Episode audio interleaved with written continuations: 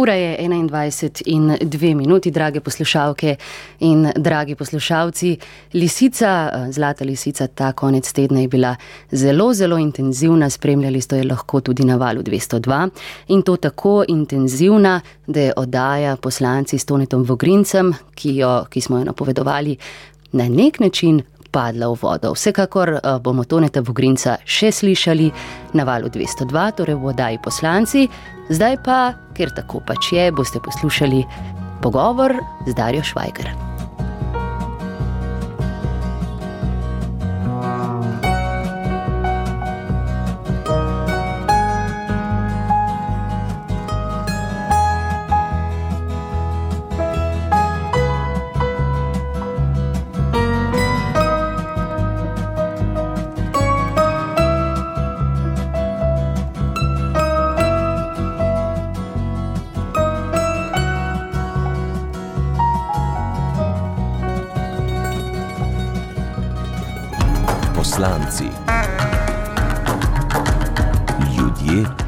Poslanstvom.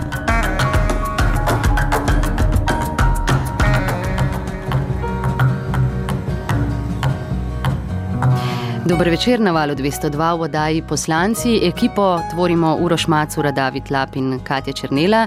No in ker mi sami seveda nismo dovolj, da bi naredili uh, zelo dobro oddajo, uh, ki je, če drugega ne, uh, že dvakrat predstavljala nas in vas v Evropi, to je ta gospa, ki bo danes z nami in jo seveda vsi zelo, zelo dobro poznate.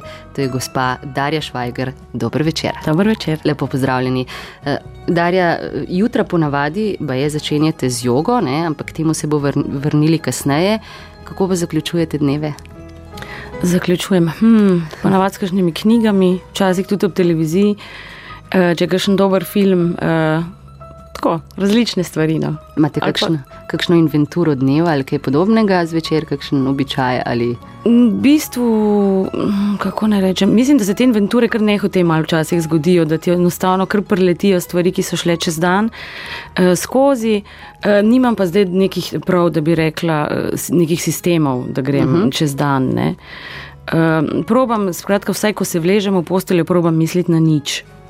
Kar ne? je pa običajno lahko. Kar je običajno malo težko, ja, ker bo navad kakšen vihar v glavi še od celega dneva, ampak probam čim bolj izklopiti zvečerno in se umiriti. Kaj pa kakšno posedanje, kako že na vašem uh, ljubem naslonjaču pred kaminom, uh, s kakšnim vašim ljubim pletom ali kako A, že ja. to, ne? To so take ja. stvari, ki so vam drage. To so, ja, jaz temu rečem kaučkanje. Kaučkanje se ja, reče. Kaučka, jaz sem pač rekla, da je to kaučkanje, ker sem na, na takem fotelju, ki se fino raztegne, je tudi gugalnik ali pa na kauču. Uh, ja, in seveda sploh po zimi je kamin eh, nekaj najlepšega, kot pa razkita, pa kakšna dobra knjiga. Zdaj se ti dnevi začenjajo, ne? ko je ja. mrzlo, ni vaš čas. Um, na nek način je, na nek način imam tudi rada jesen, mogoče zato, ker sem rojena jeseni. Uh -huh. Ehm, ta mal melanholičen čas uh -huh. uh, mi ne dela kakšnih večjih problemov, ampak zdaj, če bi izbirala, da rečemo temperature, bi bile to ne 25 stopinj. Se strinjam, da so popolnoma odrešeni. Upam, da v tem studiu je nekaj takega, če ne drugega, bomo pa temperaturo dvignili. Eh, preden nadaljujeva, bomo slišali en čisto kratek portret. Prav. Darja Švajger se je rodila 12. novembra leta 1965 v Mariboru. Kot deklica je veliko igrala. Glasbeno pot je v gimnazijskih letih začela v skupini Slovenska gruda, kjer so prepevali slovenske narodne pesmi. Čakala sem ga sedem let, žrvala ga bom osem spet. Čakala sem ga sedem let, žrvala ga bom spet. Oj, dobro jutro, micika! Čeprav si je želela študirati igro, ji na srečo ni uspelo. In je bila kasneje po težkem preizkusu sprejeta na Visoko šolo za glasbo in upodabljajočo umetnost v Gracu, kjer je 97. končala študij solo petja, smer klasika in jazz. Prvi album v objemu noči je izdala 93. in istega leta zmagala na MMS-u in zasedla tudi drugo mesto na izboru pesmi za Eurovizijo.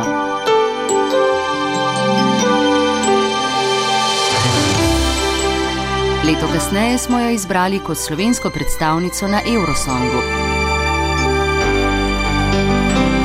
Skladbo Prisluhnimi je prepričala tudi evropsko občinstvo in zasedla odlično sedmo mesto.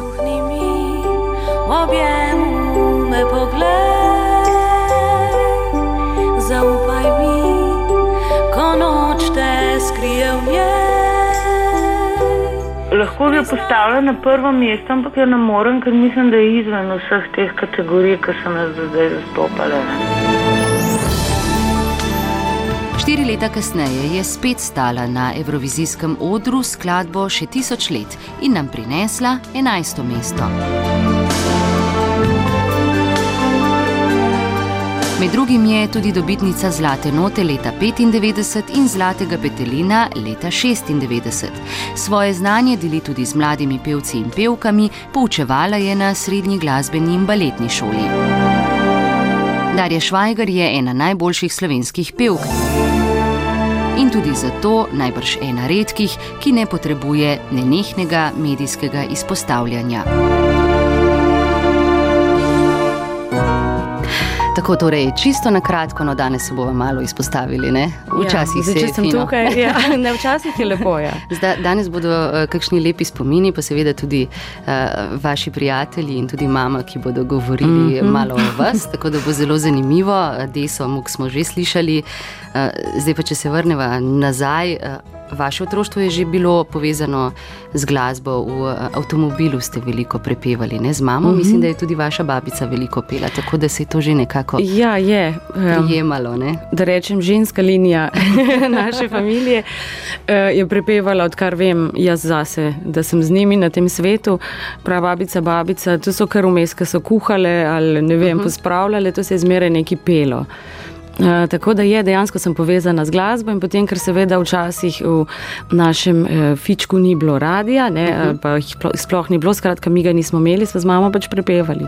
In je bilo treba seveda zadeve popestriti. Uh, imeli ste celo svojo himno? Himno? Tam v dolu. A, ja, z mami. A? Z mami smo imeli. Ja, v bistvu smo imeli dve himni, tam Aha. v dolu sama zase, pa venite rožce moje. No, tako to so taki spomini. Uh, kot mala deklica ste bili zanimivi, vsaj kot pripoveduje vaša gospa mama Rosvita. Moram reči, da ni bila tipična edinka. Ni bila sicer razvajena, kar zgodaj se je osamosvojila. Pri štirih letih je že kar sama šla v vrtec in klepetala z ljudmi, ki jih je srečevala na poti, sicer ni bilo daleč. Že v četrtem razredu si kar sama hotla kupovati čevlje, ker ji pač moj izbor ni bil všeč in še danes so ti njen najljubši del garderobe. Ne? Enako je bilo tudi za oblačili. Tako se je spominjama, ne? kot take drobne nagajivke. Tako torej mama. ja. Zelo hitro, zelo pogumna. Ne? V vrtec pri štirih tu najbrž ni veliko otrok, ne, ki bi šli. Ja, se na srečo tudi ni bilo grozno daleč, ampak je bilo nekaj zaid. Uh, uh, ne vem, mogoče je tudi to, da rada sama, rada sem tudi sama, mislim, nimam uh -huh. kakšnih problemov biti sama ali kaj takega. No. In zgleda, da se je to že pač zelo zgodaj pokazalo, sicer sem bila pa, kot se spomnim in kot je mama rekla, zelo čebljava. Uh -huh. In sem med potjo seveda skoraj po moje z vsakim govorila, ki je šel mimo, pa je imel pet minut časa za me, ker me je verjetno vprašal, kam pa greš, da klične. In jaz sem verjetno jaz pač se takoj eh, začela odzivati, skratka, ja.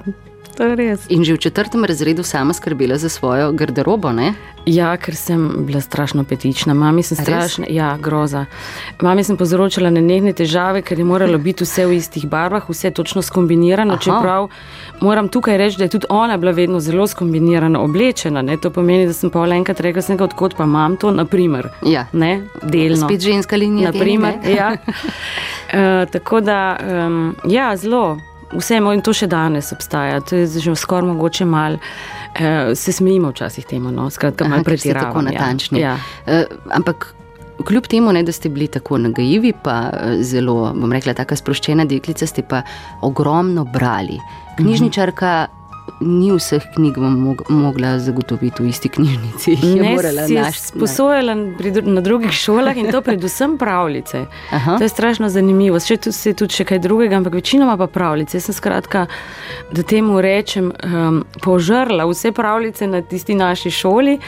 Uh, in uh, je ni druga preostala, bila pa tako zelo prijetna in prijazna gospa in si je sposojala za me pravljice druge. Ste živeli v enem takem, ne? Sanskem svetu. Ja, sem tak dost sanjav človek. Eh, Moram pa reči, da mi je bilo pri pravljicah najbolj všeč to, kar mi je še danes. eh, Ker pač tudi v jungovski psihologiji najdemo razlage skozi te skozi pravljice, eh, da je na koncu vedno zmagalo dobro. To se mi je zdelo najboljše od vsega in to me je tako potolažilo, da je ta svet narejen nekako tako, da. Um, kot jaz temu rečem, greš čez globok gost, sretaš kakšno čarovnico, to pomeni, kakšne izkušnje v življenju daš skozi, uh, ki niso ravno najlepše, ampak očitno potrebne za razvoj človeka, ampak konec je vedno srečen. In to me je zmeraj tako potolažilo. Da bo vse v redu. Uh -huh. uh, grške drame ste brali in si delali izpiske, potem najbrž kasneje. Ja. Uh, primerjali ste jih med seboj. Kje kar, ste vi vse to zvedeli? že kar resna zadeva. Ne? Ja, to pa je bila moja. Ja, v bistvu sem nekaj časa bila v gimnaziji, se spomnim. Imela sem Aha. zelo dobre pedagoge za slovenščino in teater me je vedno zanimal. Skratka, mislim, da sem itak malo zastrupljena s knjigami, hvala Bogu. Je lep strup, knjige so krasen strup. Um, In uh, sem delala, ja, primerjave, brala sem naprimer eno grško tragedijo, ki uh -huh. pa naprimer sta bila dva avtorja različna in potem to primerjala in imela prav knjigo, v kateri sem delala zapiske. In to še danes, ki obstaja? Ta knjiga. Hmm, mislim, da več ne. Da ne. Mislim, da sem imela poleno obdobje, ko sem nekako. Včasih, ko moraš pol malo pospraviti. Aha. Ko rečeš, to zdaj me ne zanima, to smo zdaj že. In mislim, da jih ni več, vsaj ne, da bi vedela, da jih imam kje doma. Mogoče jih ima pa mama, bom, bo treba preveriti, No, ne, kje je spravila. Čist možno. Eh, Dnevnike pa imate še spravljene, ki ste jih tudi pisali v otroštvu ali kako? Um, ne, tudi ne. Tudi ne. Ne. Vi pa preveč pospravljate. Ne, ne, zdi se mi, eh, pravzaprav sem ponosna na to svoje pospravljanje. bom Aha. Rekla, ne. uh, nekako nekaj časa sem jih še hranila, se tudi zdaj pišem občasno kaj. Uh -huh. Uh, kar tako enostavno me popade in, in si delam kakšne zapiske o sebi, o, ne vem, o stvarih, ki so se zgodile, predvsem pa o teh svojih notranjih stanjih, uh -huh. notranjih iskanjih. In se mi zdi nekako včasih lažje, zdaj sicer tudi veliko s prijatelji poklepetamo uh -huh. o teh stvarih in se pogovarjamo, včasih pa moram sama. In se mi zdi, ko je zlito na papir, da je mogoče nekako lažje vidim. Pa pišete, pišete ali tipkate? Pišem. Pišete. Pišem in imam Ste tudi tako, ja, in imam tudi tako knjigo, ki je tako starinska. Aha. In pišem. Ja. Skratka, tako kot je treba. eh, Na mesto dnevnikov se bomo danes pogovarjali in tudi kaj povedali, pridno pa nadaljujeva pa uh, en legendaren Nat King Cole. Mm.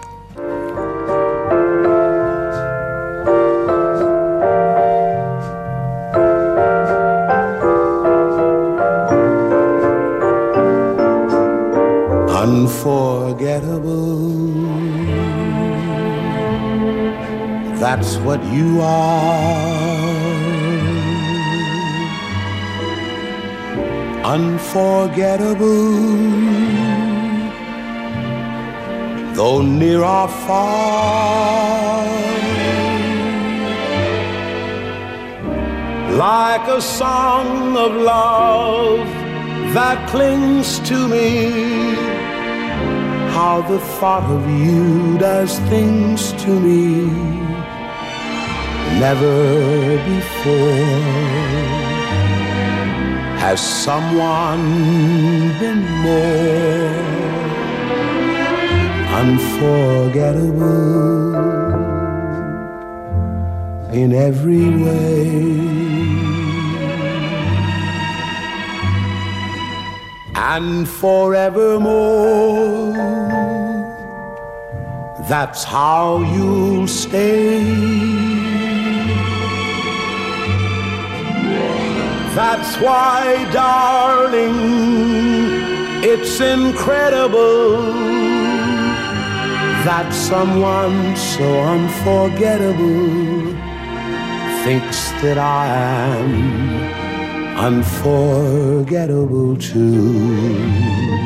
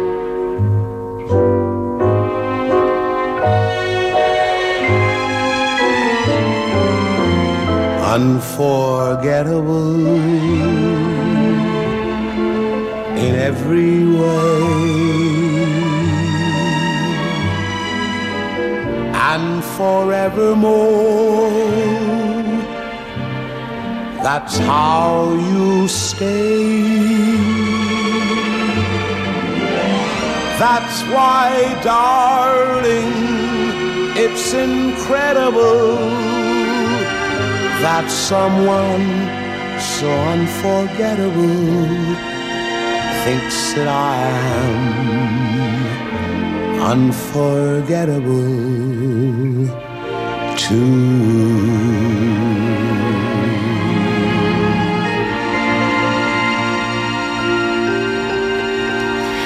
Darja Švajger je gostja na valu 202, tole je bil Net King Cole, uh, poslušate pa oddajo poslanci. Uh, če še niste vedeli, določena poslanstva očitno res niso na ključja v življenju in vse se zgodi z razlogom, sploh če človek. Punčka pri štirih letih že zelo suvereno nastopa na kakšnih družinskih zabavah ali pa zabava celo uh, turiste na morju. Res je. Ja. Ma jaz sem zabavala ja, in pela to mazurko. Aha. Ja, tega se jaz prav zdaj čist ne spomnim natančno. Sem vem, da sem nekaj pela. Ne? Uh -huh. In komunikativna, skratka, in taka. Ja, zgleda, da me nikoli ni bilo strah stopiti pred ljudi. No. Čeprav so momenti v življenju bili tudi kasneje ali ne, uh -huh. časom študija, da so eni strahovi, ki, ki niso glih eh, samo trema, ne, ampak je tudi kaj več, ker polk si starejši začneš razmišljati, kot otrok verjetno ne razmišljaš o tem, da te nekdo ocenjuje, uh -huh. ker si starejši imaš tudi te potem misli v glavi. Čisto drugo odgovornost. Ne, Ja, in kar naenkrat si v eni koži nekoga, ki si misli, joj, kaj si bodo pa mislili. Ne? Ljudje o meni in te avtomatsko ocenjujejo, in postaneš pač malo bolj zadržan, kar je verjetno tudi prav. Ne? v določenem okolju. Ja. A ste bili potem recimo tudi na kakšnih šolskih proslavah, pa takih eh, Ja. zadevah dežurni? Tudi, ja. Igrala sem Piko Nogavičko, ene štiri leta. Uh -huh. Na vseh osmih marcih, eh, pol sem, kaj sem. Ja, pa sem pa v dramskem krožku igrala in v bistvu skozi to potem mm, so bili tako skozi nastopi. Uh -huh. O tem je razlagala tudi mama, ja, da ste bili tako zelo klepetava deklica. Uh -huh. in da ste bili, to je bilo v prvem razredu, ko ste bili uh, pika nogavička, ne? Prvič, taka prva sem bila, resna ja. vloga. Kako se spomnite tega prvega? Najbolj živo se spomnim tega, da je mami doma delala lasulje, pa šivali smo, smo hlače. Pa, zdaj ne vem, če je skozi ona to počela, ker mislim, da je bilo to ena, tri, štiri leta, ampak to je bil cel, cela procedura. Je bila, ne. to je bil pravi mali teater pol doma. In tudi kasneje ste igrali v dramskem krožku, uh -huh. uh, mislim, da z gospodom Partličem. Ja, gospod Partlič Je je, vodil, mentor. ja, to ne je vodil krožek, njegova žena je namreč učila uh -huh. na tej šoli in on je vodil ta krožek in, in pač sem se tam znašla. Ste bili Ja, takoj v pravih rokah, ali kako se temu reče. ja ne? zgleda, na nek način že. Ja. Drugače pa igralstvo je bilo tisto prvo. Ne? Ja, igra je bila v bistvu tisto prvo, kar me je eh, potegnilo. Pač jaz temu rečem, da verjetno je bila ena ljubezen do odra. In, eh, danes pravim, da hvala Bogu, da me niso vzeli na igralsko akademijo, ker sem kot pevka, mislim, da. Ne vem, nekako bolj sama sabo. Ste se našli drugače, Da, ja, ne? da, da je to nekako bolj moje, ampak pač nisem vedela tega do ene točke. Um, ja, igra je bila in če me kdo vprašal v sedmem razredu, mislim, da so delali ne teste, sem rekla, da bom ali psiholog ali pa igralka. Mislim, da sem nekaj takega izražala, takrat ene take želje. Pevke še ni bilo nikjer. Ne, Ne, pevka se je v bistvu, v bistvu prav kot poklic pevka, pela sem potem vmes že tudi, ampak eh, rečem lahko 19 let. Da sem šla potem na sprejemne v grad. Prej sploh nisem razmišljala o tem. Čeprav sem hodila k solo petju, ampak jaz mislim, da je to pač tako malo zraven. Malo za zraven. Ja. Mama je pa že zelo zgodaj skrbela za vaš glas in uh -huh. sliši se zelo slastno. Tole, kako že jabo, pečena jabolka Ja, z medom. pečena jabolka z A medom, to res ja. drži, a je to. Drži prvič med je tako, ali Ja. tako ne? jabolka pa tudi imajo v sebi snovi, ki. Uh Mhm. -huh. Zdaj, nekaj je verjetno cartanje, jaz temu uh -huh. rečem, ne? da te nekdo pocarta, neki so pa gotovo kakšne učinkovine, ne? med zagotovo. Ne? In Pri nas smo bili vedno tako nagnjeni k temu, da smo čim bolj domača zdravila uh -huh. izkoriščali, to je že babica delala in prav babica, neki vršički v ne vem čem namočeni, ne vem kaj. In Arnika, vem, da je moja babica bila, Arnika je bila zakon. Za vse. Karkoli te bolele, je bila Arnika. In uh, smo nekako vedno pač najprej to probali. Ne? Skratka, pečena jabolka z medom, eh, sliši uh -huh. se zelo slastno in najbrž dober recept za marsikatero mamo, ki morda ne ja. vidi v svojih črki kakšen potencial. Uh, skratka, sprejemni izpiti na AGRFT-ju niso uspeli, hvala Bogu, ampak muzikli so bili pa odvedno. Pa jeste videli praktično skoraj da vse muzikle, ki so bili na televiziji. Mislim, da res da ste jih požirali. Ja, to, včasih je bilo v nedeljo popoldan, vem, da so bile na televiziji muzikli in takrat, mislim, da je bilo okrog petih popoldan, sem jaz bila pri televiziji, pa če sem imela nalogo za napisati ali ne, je bilo čisto vseeno.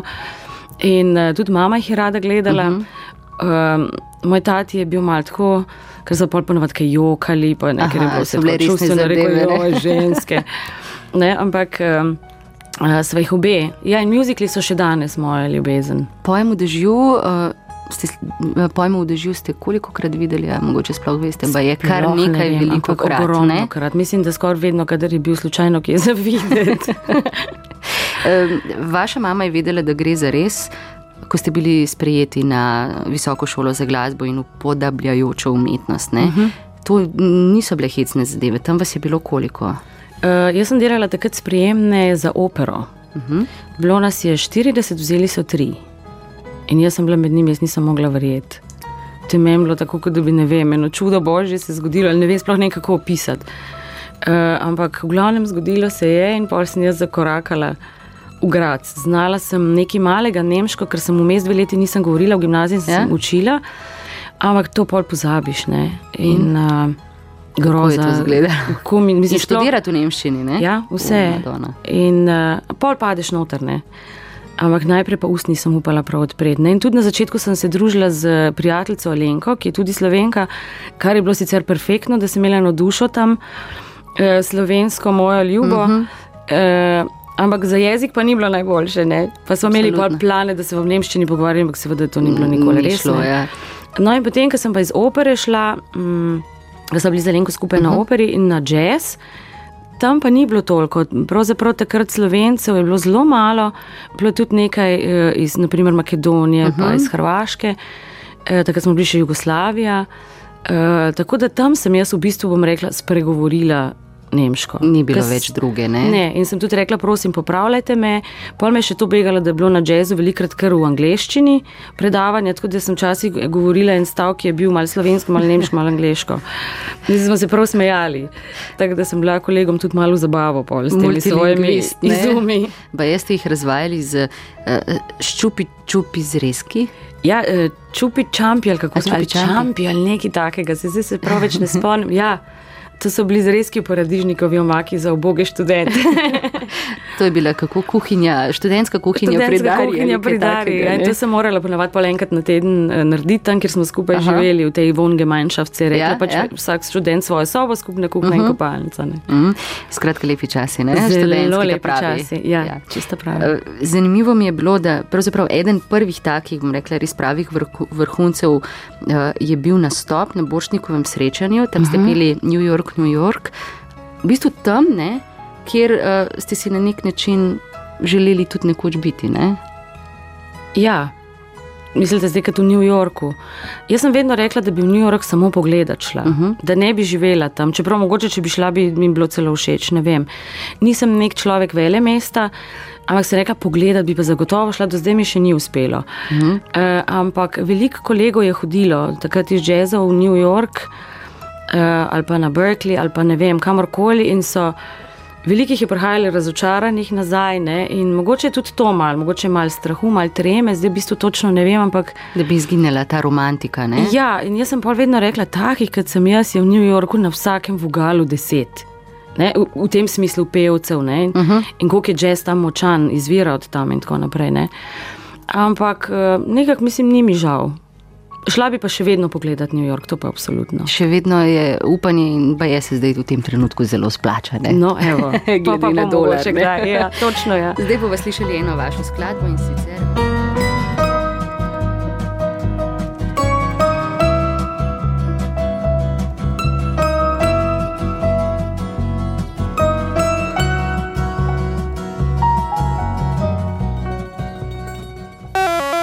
Odstranili so posledice prometne nesreče pri Karteljevem na začetku hitre ceste v smeri Ljubljane. Promet znova poteka v obe smeri. Poslanci.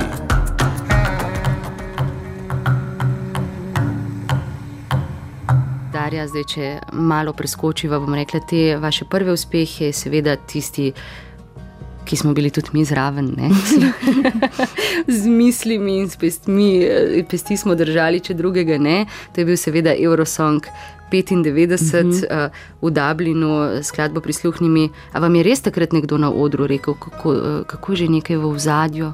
A vi, deklica, greste kar sami na oder ali nekaj podobnega? Mislim, da je nekdo rekel. Da je bilo ja. nekaj takega, ne? Ker ne vem, če nisem bila takrat ali skoraj po navadi, mislim, da je bila pol kasnejše, da, ker čisto sam po navadi so si imeli ali back vokale ali ja, nekoga ja. na odru. Ne? Ja. Jaz sem šla pa sama. ja. Ampak veste se odlično, ni bilo kaj dosti treme. Ne, to je, ne, to je tisto, ja, da... to te kar potegne. Mislim, je malo znemirjanja, ne, ampak so tudi vaje prej, čeprav si pol malo izčrpan. Mal smo seveda ga čisto domače povedan tudi lumpali na začetku, ker smo imeli pač je bila možnost. Pa v bistvu ne toliko, eh, enostavno dobiš se zvečer, če kaš, vsega je toliko, toliko si poln vseh teh dogodkov in ljudi in srečuješ. In, in tako, no, pol smo se zresnili. Ne. In uh, ne, nobene take posebne treme, da bi rekla. Ne? In to je tako božansko, ko stopiš na oder in je taka množica ljudi. In zelo topo sprejem, to je res vsaka Evrovizija, tudi polk, ko sem bila drugič, to je noro.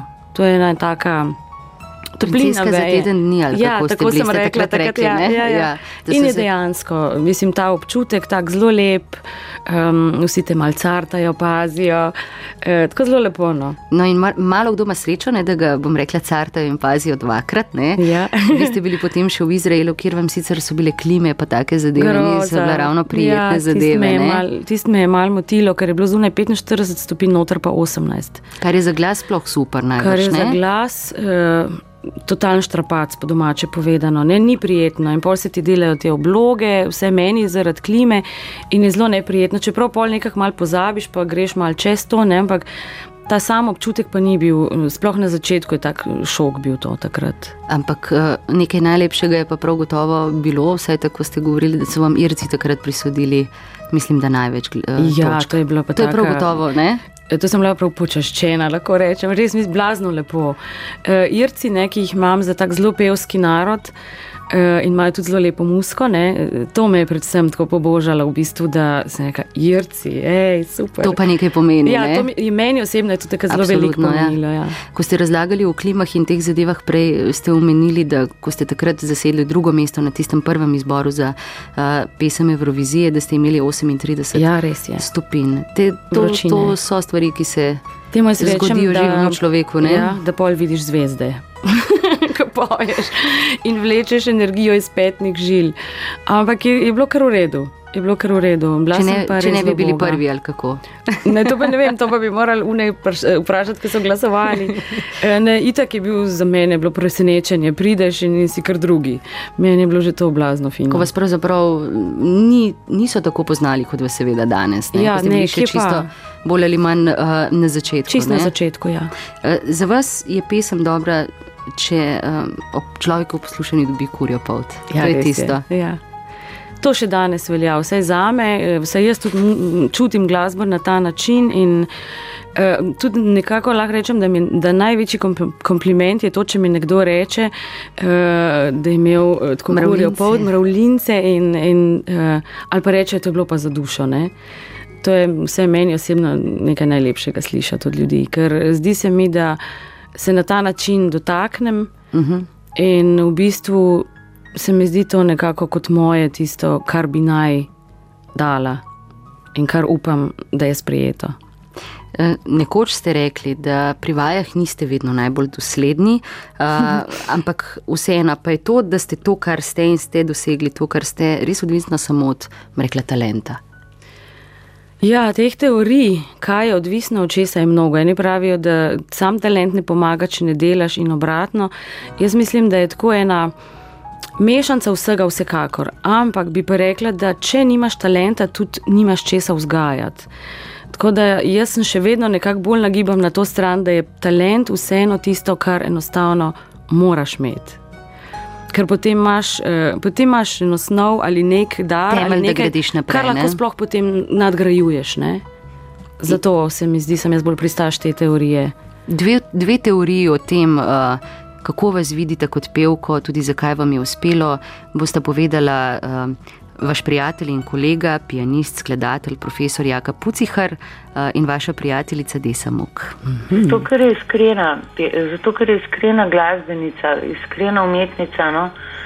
Ona nikoli ne poje tako, kar neki. Ne? Ona se vsaki svoji pesmi da cela, ne? pa še nekaj. Je tudi prof, velika profesionalka in ima tudi, seveda, zelo veliko znanja, ki je pa, je pač samo v pomoč. Ne? Ne vem, kot pevka je pač genialna. Recimo, če so pevci genialni, je ona genialna. Ne? na tem svojem področju absolutno ena najboljših pevk. Ne.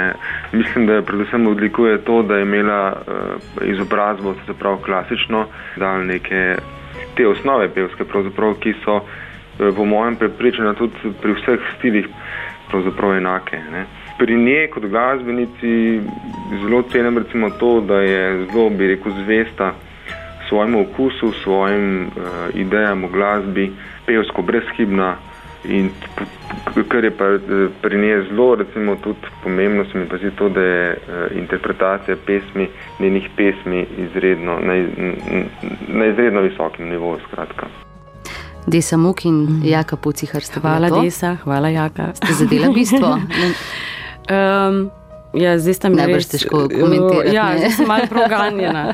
Tako da res hvala. Eh, Ja, je na nek način, ker. Um, um, Moja mama bi tle tudi znala povedati, da sem zelo, kadar nekaj mislim, da je za me prav ali ni prav, se tega zelo držim in znam ste izpasti zelo trmasta. povedala, ja, ja pa tudi trmasta morda v tem smislu. Ne? Ampak eh, meni se zdijo pač to ene vrednote in v končni fazi grem jaz na oder, prezentiram sebe, da želim to, kar jaz čutim, da lahko dam. In čist zaradi tega se držim nekih določenih teh notranjih občutkov, s katerimi ima človek tudi kdaj v življenju kakšne probleme. Ne? Mislim, vse jaz sem jih imela. Ni najlažje, Če se najbrž, ne. preveč umikaš, mislim, eh, preveč uh, hočeš podrediti nekemu trenutnemu trendu. Ne, ali pa nečemu, kar ti nekdo drug ponuja. Ne. Uh, jaz nikoli nisem tako rekel, tega pa ne, ne. Uh -huh. Ampak sem rekla, bom premislila, ampak če sem začutila tisto prvi vzgib, da to ni za me, uh, pol pač tega nisem počela. Zdaj eno morda zoprno vprašanje, pa vseeno, zdaj živimo v kapitalizmu, zato to vprašanje. A morda živite zaradi tega načela, da ne popuščate, bom rekla, populističnim skladbam oziroma skladbam, ki bi na, na prvo žogo ne, uh -huh. bile tako lahke in seveda takoj uh, užgale. Uh, živite zaradi tega, ker je recimo finančno manj razkošno. Ne, jaz zase ne bi mogla tega reči. Uh, kar je seveda eno določeno obdobje, je obstajal ta strah, sploh ko se je začela ta popularna uh -huh. glasba, blazno, uh, ta na prvo žogo, uh -huh. zelo močno pojavljati v tem prostoru, uh, zmede za hip. Ne? Ja. Ampak takrat sem se nekako trdno zadržala in sem rekla: ne, Darja, ker boš nesrečna. Ker sem samo eno ploščo probala mal, iti mal, mal stran od mene, pa ni bilo v redu. Uhum.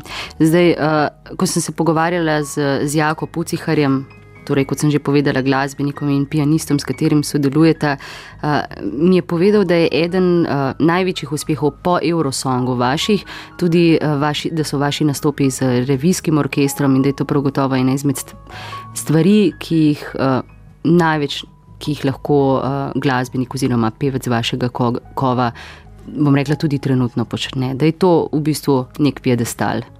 Ja, to, to dejansko uh, je. Tudi za me bilo nekaj, in se spomnim, ko sem začela študirati, sem rekla, ko bom bila pa velika, bom pa pela s simfoničnim orkestrom. Ja, In to je se bila- spomnim, ja. oziroma sem brala. Ja. To, to je dejansko bila ena taka želja, tudi moja, in dejansko je to meni nekaj, kar uh, trenutno je za me to največ. In tako blazno in grozljivo uživam, da sem včasih že sama sebi fauš, bi po domače rekla, ker mi je tako lepo. Uh, in je to so res tako nepopisni užitki, mene to tako napolni. Vse so tu drugi nastopi, ne? ampak Ja. ko imaš ta korpus za sabo zadaj eh, in te čudovite aranžmaje, ne? ki jih nekaj je tudi Jaka napisal, ne? in Patrik Greblo in, in Rogolob. eh, In še marsikdo, tudi je pa tako neznansko, grozljivo lepo, da ni za govoriti. Ampak je pa tudi težko, ne? človek mora dejansko obvladati, bom rekla, da lahko tako nastopa. Ne? Ja, je, je neka posebna. Malo je ljudi, no, ki, ki bi najverjetneje lahko Ja. to počeli. Mislim, da je itak predpogoj, da to rad počneš. Uh Mhm. -huh. Potem je seveda druga avantura, da se spustiš v to, ne? ker to je vsekakor bistveno drugače, kot če imaš ti glasbo posneto. Ker potem se pač napišeš, eh, naučiš tisto, kar uh Mhm. -huh. je narejeno točno tako, kot je. Orkester je pa živa, to je, to je, to je Mhm. telo. Ja. To je telo, kot je moje telo, in rečemo temu, dve telesi se ne, najdeta, v eno, zlijeta ne? v eno in se začneta prepletati. In, in to je potem tisto, kar je nadgradnja, kar je, kar je več, ne, kar je glasba, ki se sama sproti dogaja in piše. Eh, Ste ena redkih, kot smo prej rekli, ki se veliko pojavljate, pa vendar to ne pomeni, da ne nastopate in ne delate. Ne? Nastopov imate uh, kar veliko. Ne? Niso vsi nastopi samo na televiziji, no se temu reče, Ne, po ja. rumenih medijih najverjetneje. Res je tako. Saj sem znana potem, da se rumenih medijev izogibam, če se le da. Eh, Nekako se to delaš nekaj časa, eh, ker tudi veš, da je prav. In se nočem biti nevljudna ali karkoli, meni je to vsekakor na začetku pomagalo, ampak sem pa vedno ene meje postavljala.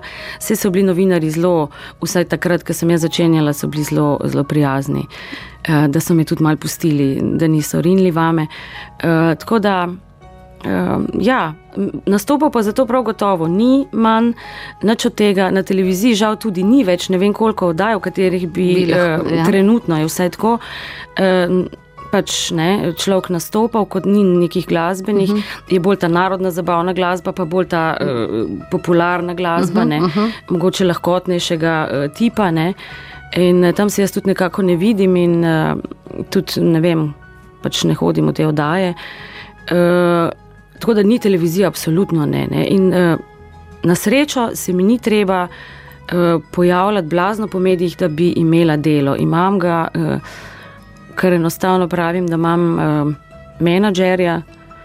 Ki mu jaz rečem vesolje, eni ga imenujejo tudi Bog, eni karkoli, in jaz se kar na tega zanesem. Ampak drugega človeka, človeka pa nimate za, eh, kot menedžerja. Ne, Ne, človeka v človeški podobi. v nimam. človeški podobi. Ja. tako. Nimam menedžerja, nekako zaupam. No, in, uh, Vsa leta teče lepo, in uh, včasih me sicer kdo sprašuje, pa zakaj nimaš, pa to bi morala imeti. Ne, pa sem rekla, nobel, ne? ja, pa to se spodobi, pa ti ne bi smela sama, ne slišim Ja, tudi. ja.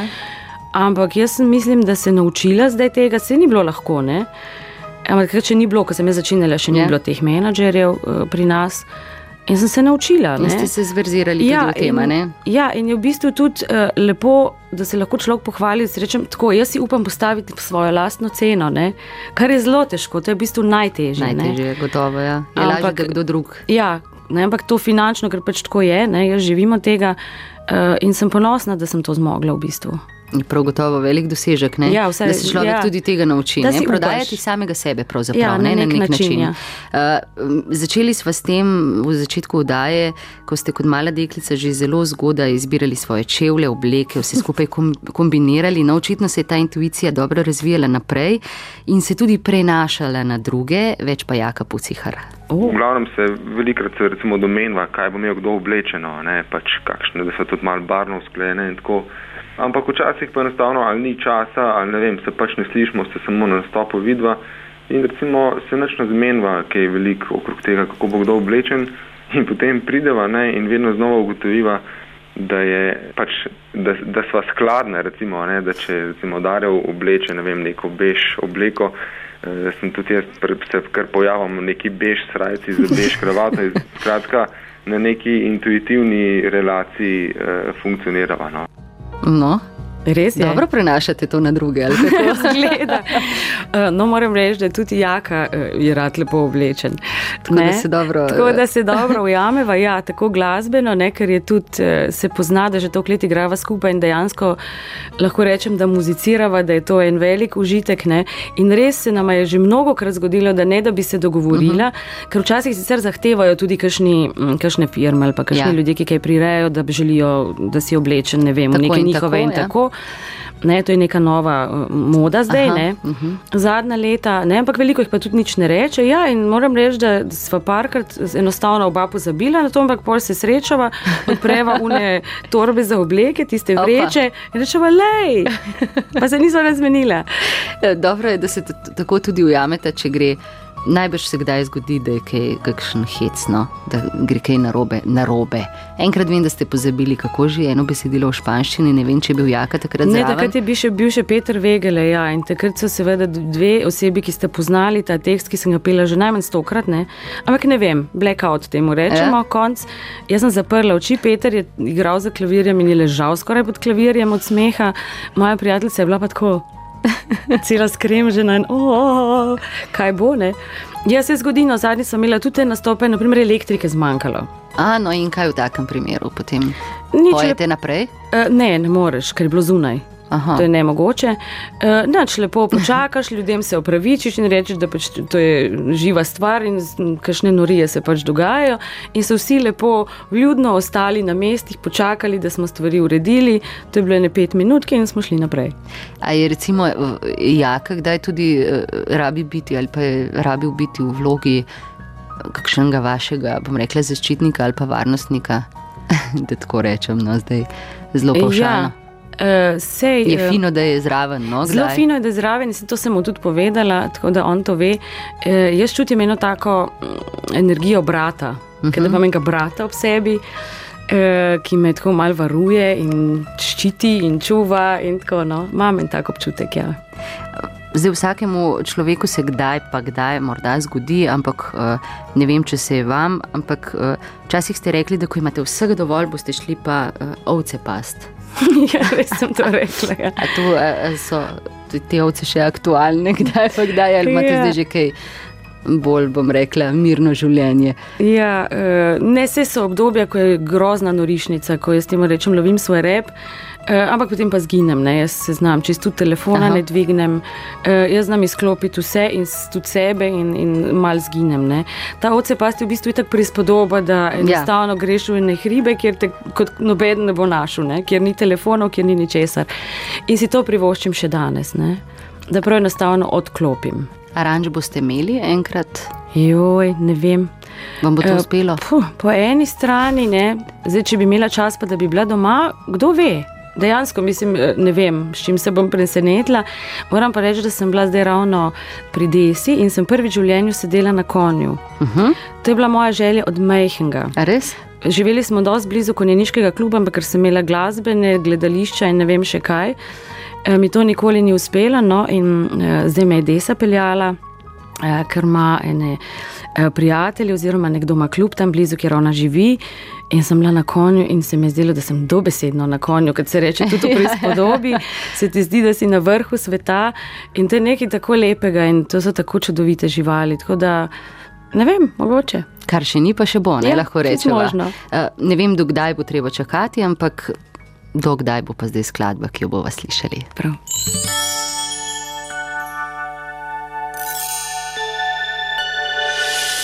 Spet si tu, tik pred svitom v mojih sanjah oživiš. Spet si tu, kot iz mesečine rojen, se mi zdiš. Kaj je res, kaj je le prividim želja, se sprašujem, ko se noč previšal dan.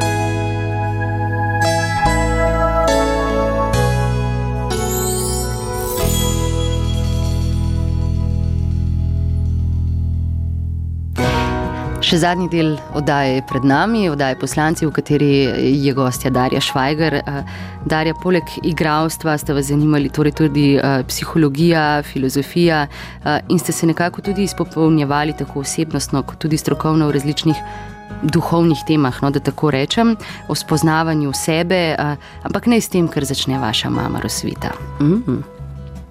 Ja, moram reči, da sem kar tudi jaz uh, zorila uh, na tej poti.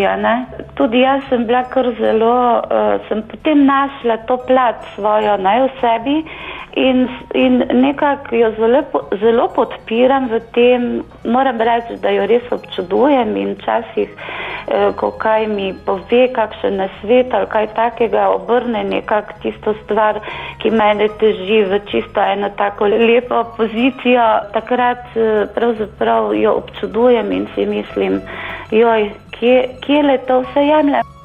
Tako torej vaša mama, ja. Torej, ste tudi na, na njo prenesli, kolikor vem, si tudi izmenju, izmenjujete kakšno literaturo, pravi, da jo zalagate s kakšnimi Ja, ja, takimi ja. knjigami, imate to skupno, ne? Ja, mama, Veselje. ona je meni kot otroka, zdaj pa jaz gledam njo nazaj, malo vračam. Um, ker smo takrat pa je bilo sto romanov, pa take stvari, Aha, tudi aha. prej nazaj. ne. Uh, ja, jaz sem tak, kaj pa jaz vem, vse vsak na svoj način išče. Ne? Jaz pač iščem v tem smislu, da najdem ene odgovore, kako sebe prepoznati, eh, kako te vzorce, ki sem si jih eh, skozi leta svojega življenja nabasala, po domače, grdo uh -huh. povedano, ki niso moji, ki so v bistvu pač. eh, Nekako lahko rečem, temu posledica živeti z, z, ne vem, v nekem določenem sistemu, z neki, nekimi določenimi ljudmi, v neki določeni uh -huh. družini in tako. Uh, in enostavno spremem, da se lupimo kot čebula. Ne?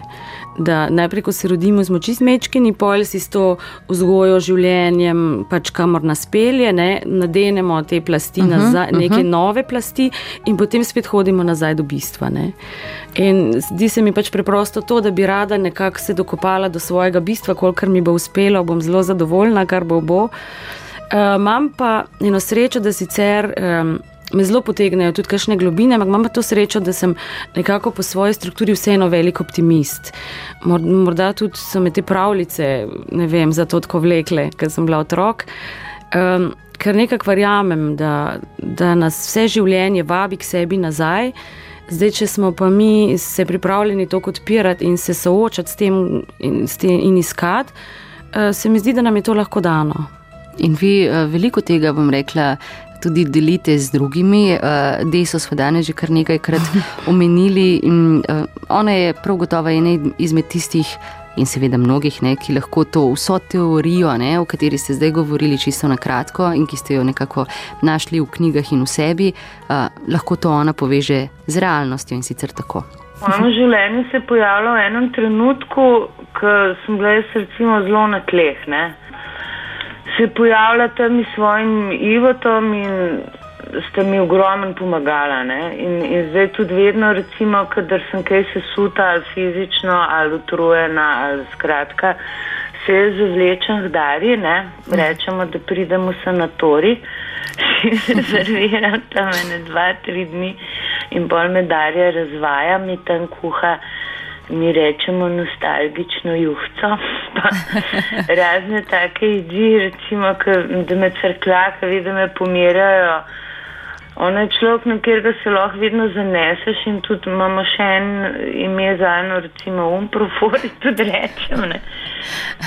Ki vedno uleti, kadar je treba kaj reševati, ne. No, tako torej.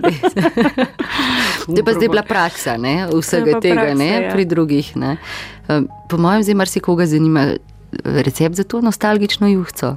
Uh, to, kar rečemo, v bistvu večjim stvarem. Aha, Eh, no, to je slišimo, naprimer, naprimer, ne, je to lahko, to je v lav fazi, pa ne vem, če smo jo kdaj kuhali, ampak kao juha iz vrečke, antidepresivna župca. Ne, ampak mislim, da je nisva nikoli, uh, ali sva jo pa tudi. V glavnem vem, da sem jo tudi kuhala mlečen gris. Uh -huh.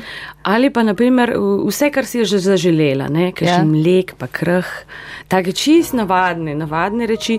Zdaj lahko smo tudi kaj bolj oren kuhali, ne? ampak uh Mhm. -huh. to so bile polune cartike vmes. Ali pa ena eh, prijateljica, eh, pravzaprav Jakova mama dela eno božjasno dobro čokolado, uh -huh. domačo.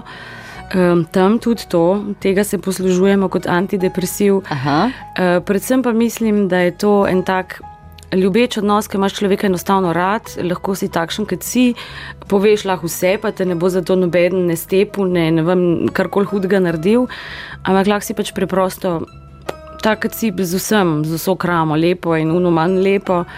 Eh, In se mi zdi, da je to itak verjetno najbolj zdravilno cartanje, da, da lahko enostavno govoriš, brez da si sojen in obsojen. Ja, Desa tudi pravi, oziroma je nekoč že zapisala v enem izmed člankov, ne, da ste vi ena tistih, ki ne sodite, ne, ampak rečete vedno, vsak živi kot lahko in zmore. Mhm, ja, sej. To mislim v bistvu še danes. Vsak in tudi sebe zmeraj tako potolažim, kadar sem prezahtevna do sebe. Uh, v teh svojih iskanjih rečem počasi, počasi, Darja. Zdaj je tako, morda bo čez nekaj časa kaj drugače. A joga kaj koristi kot začetek dneva, bom rekla, vi ste se pred leti nekako začeli zbujati s tem, ne? Ja, jaz sem pri možu našla knjigo in pač jaz nisem noben športni tip. Uh, nekaj časa sem tenis sicer igrala, zelo rada. Uh, in sem začela te vaje delati in sem ugotovila, da se po njih preprosto zelo dobro počutim. Ne. Dihanje sem poznala, ker pač eh, to praktično pevsko dihanje, uh -huh. oziroma tako bi naj vsi dihali, ne. uh, preponski dih. Um, in um, krasno, no in še danes jo delam, ker eh, je enostavno lepo. Mislim, za tem ne stoji nobena strašna filozofija. In ne čarovnija. In ne najverjetneje. čarovnija, in ne odpovedovanje, ampak telo se čudovito raztegne, pljuča se napolnijo z velikimi količinami kisika. Um, Ob tem tudi malo pomeditiram, to pomeni meditacija. Jaz temu rečem, srečam se sama s sabo v tišini in miru, da nimam glave čist razmetane. Uh, in to je to. Zelo dobro ste se našla z vašim soprogom, dr. Uh, Ivom, in sicer uh, tudi on je zdravnik, eh, psihoterapeut, uh -huh. bioterapeut, skratka, dobro ste Homeopat, se, ja. homeopat, skratka, veliko teh stvari nekako se vračate, bom rekla, k naravi in uh, takim načinom zdravljenja ne, v vseh oblikah. Uh -huh. uh, očitno gre za eno veliko kemijo. Uh, Sicer pa več vaša mama in vaša prijateljica Desa o vama skupaj. Ja, ona nikoli sicer ni govorila o kakem princu na belem konju, ampak ob nekem takem težkem trenutku, ko je iskala sama sebe, sem ji pa jaz rekla, ne, ja, menda, ja ne misliš, da je kje kar kakšen princ na belem konju. Ne? E, Darja je rekla, ja, mami, jaz ga bom našla, mene čaka. No in zdaj vem, da ga je našla. Njih vsi imamo za srečen par, ne, tako jih tudi imenujemo, včasih malo cinično, mi, mi ki nismo srečni pari. Ne. Jaz vem, da sem vedno zase govorila, da če bi bila še kdaj v partnerstvu, ne bi želela imeti popolnoma nič manj, kot imata ona dva. Ne. Ona dva sta pač ustvarjena en za drugega ne. in, in blazno fanje pred njima, ker se čisto popolnoma nič ne uverata, ker imata neskončno razumevanje en za drugega, tudi za slabosti. Ne. Meni bi se svet podaril, recimo, če njih dveh ne bi bilo. Ne. Človek začne spet, recimo, kar, kaj se jim zelo nagnjena k temu, da kaj dosti ne verjamem v ljubezen, pa v, v srečna partnerstva. Pa pa, ki njih vidiš, ne, pa, pa se ti vrne upanje ne, v, v to, da je to možno. Ne. Zdaj uh, smo že eh, postali skoraj mehiška telenovela, ampak Že tako je. skoraj. ne. ampak to najbrž ni na ključe, ne? da je treba za to tudi kaj narediti, ne? da se ima človek. E, Dobro. ja, vse jaz lahko rečem, da sem ogromno raziskovala, pa tudi še vedno to počnem. Ne? Jaz mislim, da je pač ena zrelost, da enostavno partner ni tisti, ki te bo delal srečnega, ni tisti, ki. Uh, Da tebe naredi celega, ampak sta lahko samo dva cela, ena nova celota. No. To se mi zdi, da je tako zelo po, po hitro, po, po uh -huh. preprosto povedano, da ti ne moreš filati nekoga in življenja nekoga. Ne. Lahko samo si sopotnik in uh, ljubeč, potrpežljiv, um, kar jaz vse za Ivo lahko rečem, da je, da, da ima ogromno uh, te, te ljubeče energije v sebi, te potrpežljivosti, te uh, neke notranje človeške topline. No. V bistvu je prvi moment, če pomislim na Iva, je toplina, naprimer, kot, ne, da to začutim. Uh, tako da Ja, to je neizmerna sreča biti v taki vezi, res. To ne mislim biti zdaj kičasta, ampak dejansko mislim, to je čisto preprosto dejstvo, ki, uh, ki ga živim in, in me polni. In, uh, ne vem, v bistvu je zelo težko to obesedovati uh, ali karkoli. No, ampak, um, Bomo prišli k vam na obisk za kakšne dva dni, no, ne tako kot v, desa. v sanatorij. Ja, zdaj najverjetneje marsikdo, ki ne jo posluša, ne bi se dvignil roko, ne pa prišel. Ne? M- Mogoče pa to tudi eno izmed naslednjih poslanstv potem Mogoče. naprej, ali je to rezervirano najverjetneje samo za tiste um, Ja, ožje trenu- člane družine. je ne? eh, rezervirano za, zgleda, za najožje, vse, kar se obeh tiče, Ivo pa itak v svojem poklicu pravzaprav skozi to počne. To daje in Ja. počne. Vas pa mogoče čaka kakšna knjiga. Knjiga. Kaj pa vem, kakšen priročnik ne, za srečno ja, življenje, za naprej- iskanje ojoj, samega ne, sebe. Tega pa, mislim, da tega pa ne bi upala pisati. Mislim, ne vem, če bi si upala, pa zdaj toliko teh lepih knjig že napisanih. Ne vem, nisem niti razmišljala o tem. No, Kakšna knjiga? No, bomo videli, se pravim. Nikoli ne reci nikoli. tako je. Uh, hvala lepa, da ste prišli na Val 202. Hvala V oddajo poslanci, lepo se imejte in pa srečno tudi vsem, ki ste nas poslušali. Hvala, srečno. Poslanci. Ljudje s poslanstvom.